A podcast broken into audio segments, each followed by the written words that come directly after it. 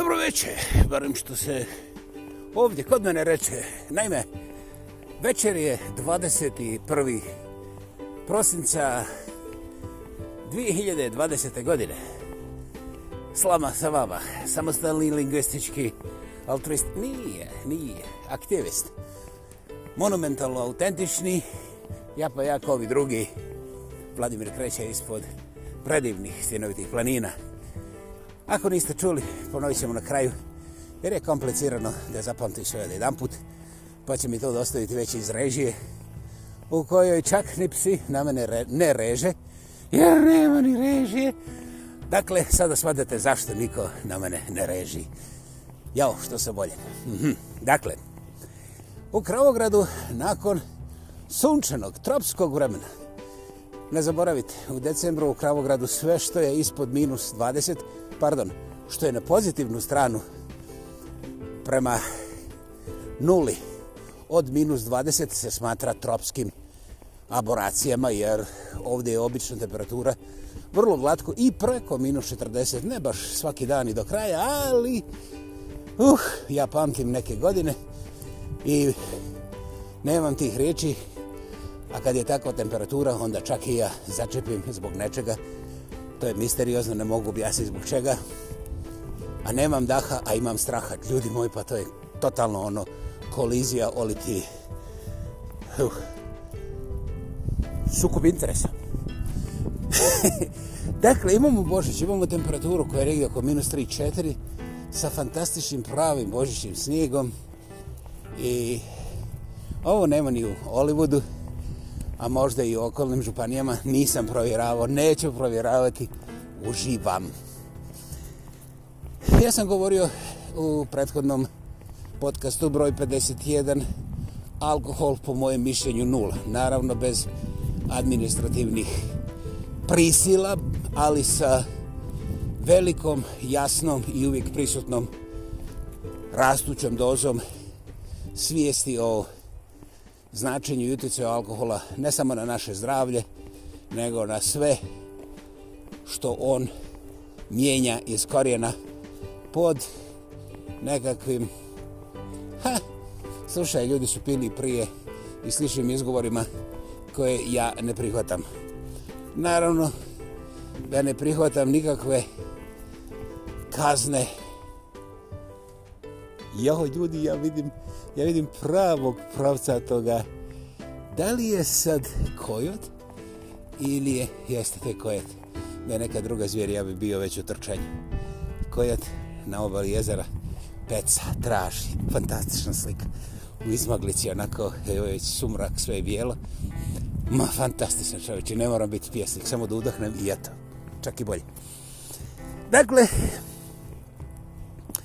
ja nisam rekao nijednu kvalifikaciju o takozvanoj pameti, inteligenciji, pa čak ni obrazovanosti nekog ovako habitualnog alkohol usera, znači kolegice ili kolege koji sugickaju ono ne da budu oblokani svaki dan 27 sati, nego tak tako da budu pod gasom 26 do 27 sati dnevno. Razlozi su zato nevjerovati. Ponekad čak i ne postoje, ili ako postoje, ljudi ih se ne sjećaju, zbog toga što je važno da se obezbidi sljedeća doza. Ništa tu čudno nema, jer isto pravilo vrijedi za sve ovisnosti, od kockanja do danja i ovoga samouštrsavanja usrećavajućih materija u materijalno tijelo gospodina ili gospođe korisnika. Međutim, postoji nešto što je manje upitno kao biološka potreba, jer alkohol ipak samo krajnji, ovaj, mislim, ti ekstremisti koje neće niko ozbiljno slušati, uvrštavaju u nekakve biološke potrebe, što je potpuno promašeno i tu nikad nemam ja diskusiju, a pritome sam vrlo svjestan kako postoje kompletne kulture koje objašnjavaju čak i nužnost alkohola. E, ovaj, ništa, ja im želim više prosvjetljenja, jel?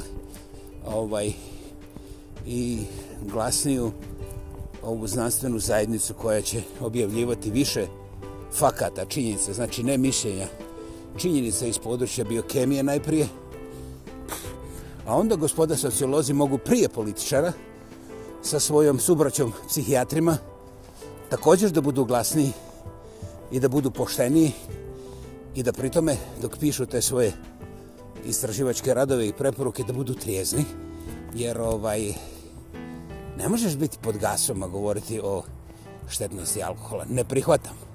Mada je to tehnički moguće u 2%, 2 procenata, ono, ona slučajnost. Isto tako, da izviniš, jebedeš se sa celim iđešem i Lala kaže da iđoš nije neka varoš, jeli? Međutim, znaš, picajzle ne trebaju cijeli iđoš. Dovoljan je jedan drugarica ili drug, tako da ovaj, ako hoćeš o poštenju i čistoći, ovaj, dakle, jedan je previše. To sam htio da zaključim o alkoholu, što sam počeo negdje u 51. podcastu, ovo je 52. Slama sa vama, ja pa Jakovi drugi, Vladimir Kreća ispod predivnih stinovitih planina večeras, konačno u zimskom okruženju kako Bog zapovjeda i kako to ovdje i treba biti. Ono što bih ja sada htio naglasiti je ne hrana. Hrana je Bogom dana i ona je neosporna nužnost, mada sam i tu svjestan nevjerovatnih ekstremističkih zahvata. Ne mislim na toliko napadane vegane i ljude koji se odriču jedne vrste hrane svjesno sa određenim ciljevima u koje oni vjeruju, nego prije svega mislim kako postoje nevjerovatni ekstremi, recimo kao oni što samo udišu miris hrane i kažu godinama ne moraju ništa da progutaju kao štede zube.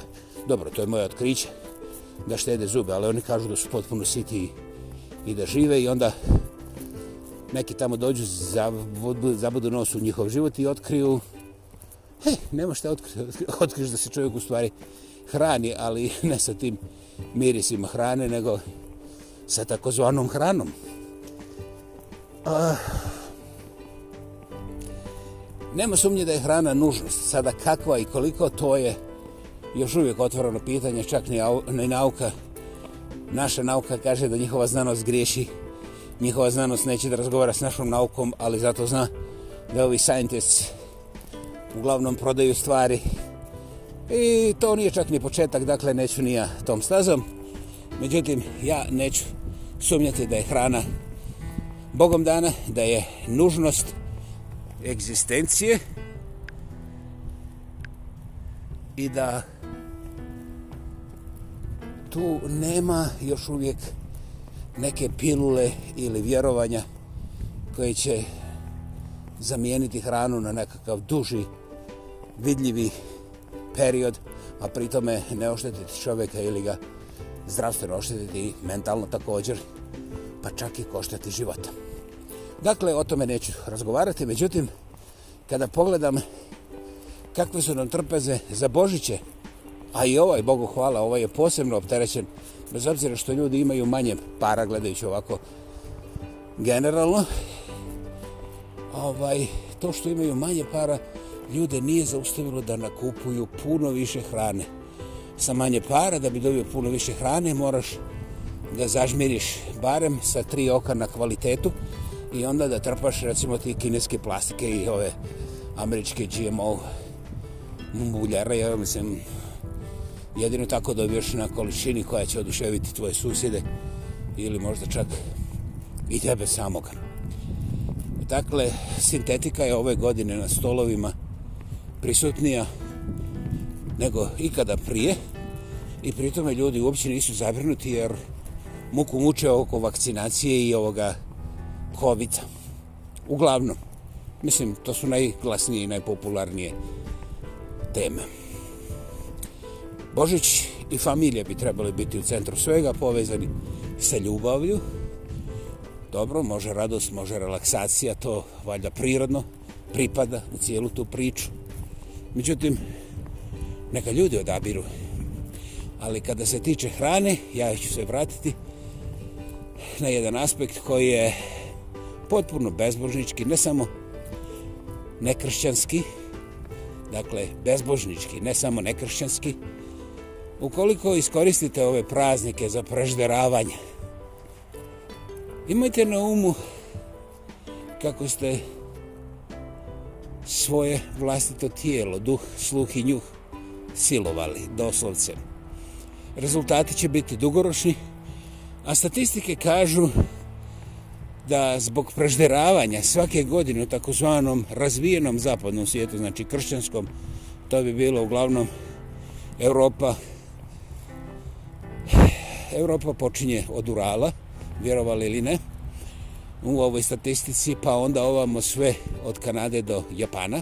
Dakle, staćemo prije Japana.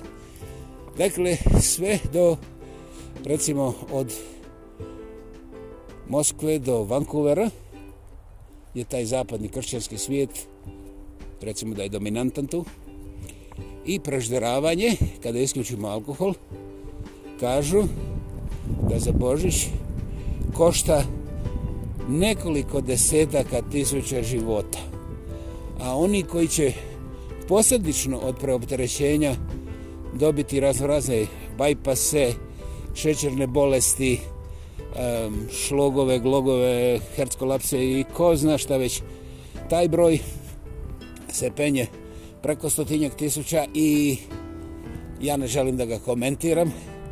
Ako me pitate otkud mi sve ovo, ja vam neću reći zbog toga što danas i zadnja protuva ima Google, pa čak ne mora znati ni upisati, nego pita, pritisne na onaj mikrofon i onda može da istražuje i to ne jedan izvor, nego sve raspoložive izvore i onda će vidjeti sve te brojke ukoliko ga brojke doista zanimaju.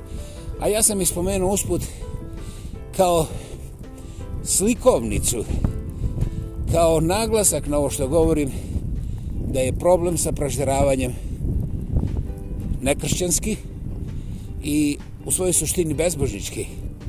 Sada ovi koji me poznaju kažu, a šta si ti radio?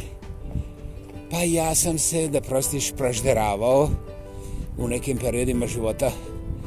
Međutim, moj stomak i moje srce nisu preopterećeni bolestima iz vrlo jednostavnog razloga.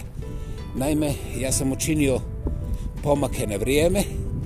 Naime, prije tih pomaka ja sam aktivno se bavio sportom, pa prije toga nisam dirao nikakav alkohol, nikada.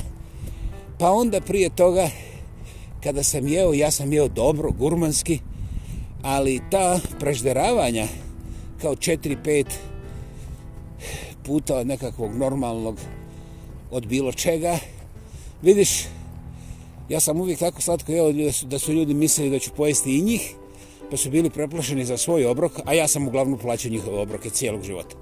62 godine ponosim se s tim što sam ja platio uvijek najmanje 20 ručkova prije što sam ja jedan negdje pojeo za džaba. Od Šibenika, Ulcinja, Beča, Grmeča, pa onda evo sve do Kravograda, Vancouver Islanda, i izaberite još nekoliko sela između čak i Čekrčića, ali tamo nisam bio. Međutim, srce mi je tamo jer to lijepo zvuči zbog nečega. Tamo valjda pripadam po ovoj političko-socijalnoj valjda karti ili mapi. E, ko, koga briga. Dakle, gospodo, prežderavanje kada uđete u zonu koju Bog ne zapovjeda. A to je kada recimo u jednoj slavljeničkoj noći pojedete duplo više pa čak i popijete duplo više nego što to radite normalno tijekom godine. I tu se nije desio problem uglavnom. Međutim, problem se desi kada uđete u nešto što se zove food fever, E, to sam ovdje naučio od ovih kanadjanki koje imaju 300 plus pa pounda, najzbiljnije. To su vrlo, vrlo, vrlo, vrlo, vrlo vesele žene. Pritome, svaka od njih je inteligentnija od mene, ali njihovi potezi su epski oh, zatuceni. Naime, taj food fever je ono, ne može se nikud ići, nema nikakvog mrdanja, sjedi se ispred televizora ili šta je znam, može sjediti ispred kante za smeće. Uglavnom, važno je da se sjedi. I da, važno je da bude toplo, ne pretoplo, da ima dosta vode sa masu leda. I onda što je god tu za jesti, to se mora pojesti, jer ako se ne pojede, onda bi moglo biti nešto za jesti i sutra. Mislim, ako onda ima razlog da izlazi van, onda moraš opet da jedeš, a ne izlaziš nikuda. Dakle, treba jesti, jesti, jesti, jesti. I to je ono kada ljudi pojedu za jedno veče tri do pet puta više od svoga maksimalnog kapaciteta. Ja ne bih objašnjavao detalje u kakvom stanju se nalaze ti ljudi pri kraju večeri, ali njihove psihosocijalne profile samo bih naglasio da vrlo malo psihijatara i sociologa promatra, uglavnom se ti ljudi odgoraju na diabetičke vode i tamo dobivaju insulina i onda se vrte u tome svome krugu. I ja sam optuživao te liječnike i sistem, međutim, onda se meni malo otvorile oči, pa sada ne optužujem nikoga, čak ni te pacijente, jer ako se bilo šta ozbiljno hoće napraviti na tome prežderavanju, onda to ne može napraviti sistem. Isto kao i s alkoholom. Um, gospoda popovi su zaboravili da, posebno u Sjevernoj Americi, da je jedan od stubova vjere, znači time i same religije, post. A post je ovdje ismijen u većini crkava kao nešto za glupe i za ostale, znači jer Bog nas je stvorio da imamo e, dva vepra za večeru, a nas je jedva jedan. Dobro, jesmo da sam po težini za trojicu, ali onda treba cijeli vepar, je tako? Ko će nahraniti to? Mislim, toga jednog. Znači, jedan vepar, jedan ja. Dobro, nije sigurno baš ko je vepar, ako nije vepar, ali zna se ko jede. Ovaj koji je živ, to sam ja, a ovaj koji je pečen, on će biti jedan. Nisam rekao bi, rekao sam di. Jedan, okej? Jedan i jedan. Jedan, jedan. I sad, vi što se smijete, pokušajte nakon prožiravanja da imate ovaj je jedan, a vi nećete biti onaj drugi, jer pražderanost ne mora biti trostruka ili četvorostruka, već sama nažderanost, znači ono kad napunite sve svoje kapacitete do maksimuma, oduzima sve hormonalne aktivnosti u tome pravcu, a tijelo je i onako već nepokretno. Tako da, bye bye. Dakle, skratimo. Kršćanstvo je u samim svojim temeljima ugradilo post. Danas japanski, nekršćanski znanstvenici ima tomu već ha, skoro deseta godina, dobro, nije pet, dobivaju na tom istom postu vrhunske nagrade za biokemiju, metabolizam i ostale te trikove i to nazivaju autofađi. Interesantno, riječ u Grka od prije 2300 godina. Ljudi, da vi ovdje što razumijete, jel? Pa znam, vi ste već se vrlo lijepi i pametni svijet, ali ako povežete to, evo, ja ću samo ponoviti ovog najkraće. Japanski liječnik, potpuno nekršćanski, 2010. ili 2005. u tom periodu dobio u Norveškoj Nobelovu nagradu za, pazi vraga, otkrića. On je u stvari samo dokumentirao šta post radi, produženi post, regularni post, ono isto što je ugrađeno u temelje kršćanstva. I ne samo kršćanstva, ali pošto je Božić, nećemo dirati ništa drugo. Dakle, ovaj dobio Nobelovu nagradu, a mi se čudimo šta treba da uradimo da usrećimo naše živote. Imate odgovor, uvijek ste ih imali. I nemojte misliti da vam je potrebna volja. Ono što vam je potrebno je jedan jedini prvi korak. A to je, nemojte jednog, jedenog, mislim, vepra, nego jeste, jedan je vepar, ali ga podijelite u dijelove, pa poklonite, posebno za večeru, barem polovicu toga vepra nekom svome dušmaninu. Ispošće da stvarno veliki vjernik, a pritome korist za vaše tijelo će biti oh, neopisivo. I to je cijela tajna. Ako nastavite tim putem, onda ćete možda, koliko vas, koliko vas pozivno zanima kršćanstvo, otkriti kako ritualni postovi koji se primjenjuju pravilno u svim vjerama, a eto posebno u kršćanskoj, ne samo da imaju svoje mjesto, nego imaju svoju još uvijek fully, znači potpuno neotkrivenu moć. Ogromnu moć. Puno veću od svih praškova, dakle farmakologija bla bla bla bla bla bla, kupologija sintetičkih bla bla bla. Znači u vašim rukama je Božja moć, ali vi morate prepoznati moć posta i rituala posta. Hvala vam. Hvala. Ja sam obećao da ću ponoviti. Ovo je Slama sa vama, samostalni lingvistički aktivist, monumentalno autentični, ja pa Jakob i drugi Vladimir Kreće iz postenovitih planina. 21. decembra uveče pod predivnim snijegom. Hvala vam. Uživajte. Božanstvena snaga je u vašim rukama i ne morate da se kajete ni za šta što je ostalo iza vas, ali potrebno je samo da pogledate ispred sebe da biste bili ponosni na sve što dolazi sutra, a time normalno i jači i zdraviji. Hvala na šansi da vam baš ja to kažem, odnosno ponovim, jer vi to svakako znate. Vidimo se i čujemo vrlo brzo. Doviđenja i sretno.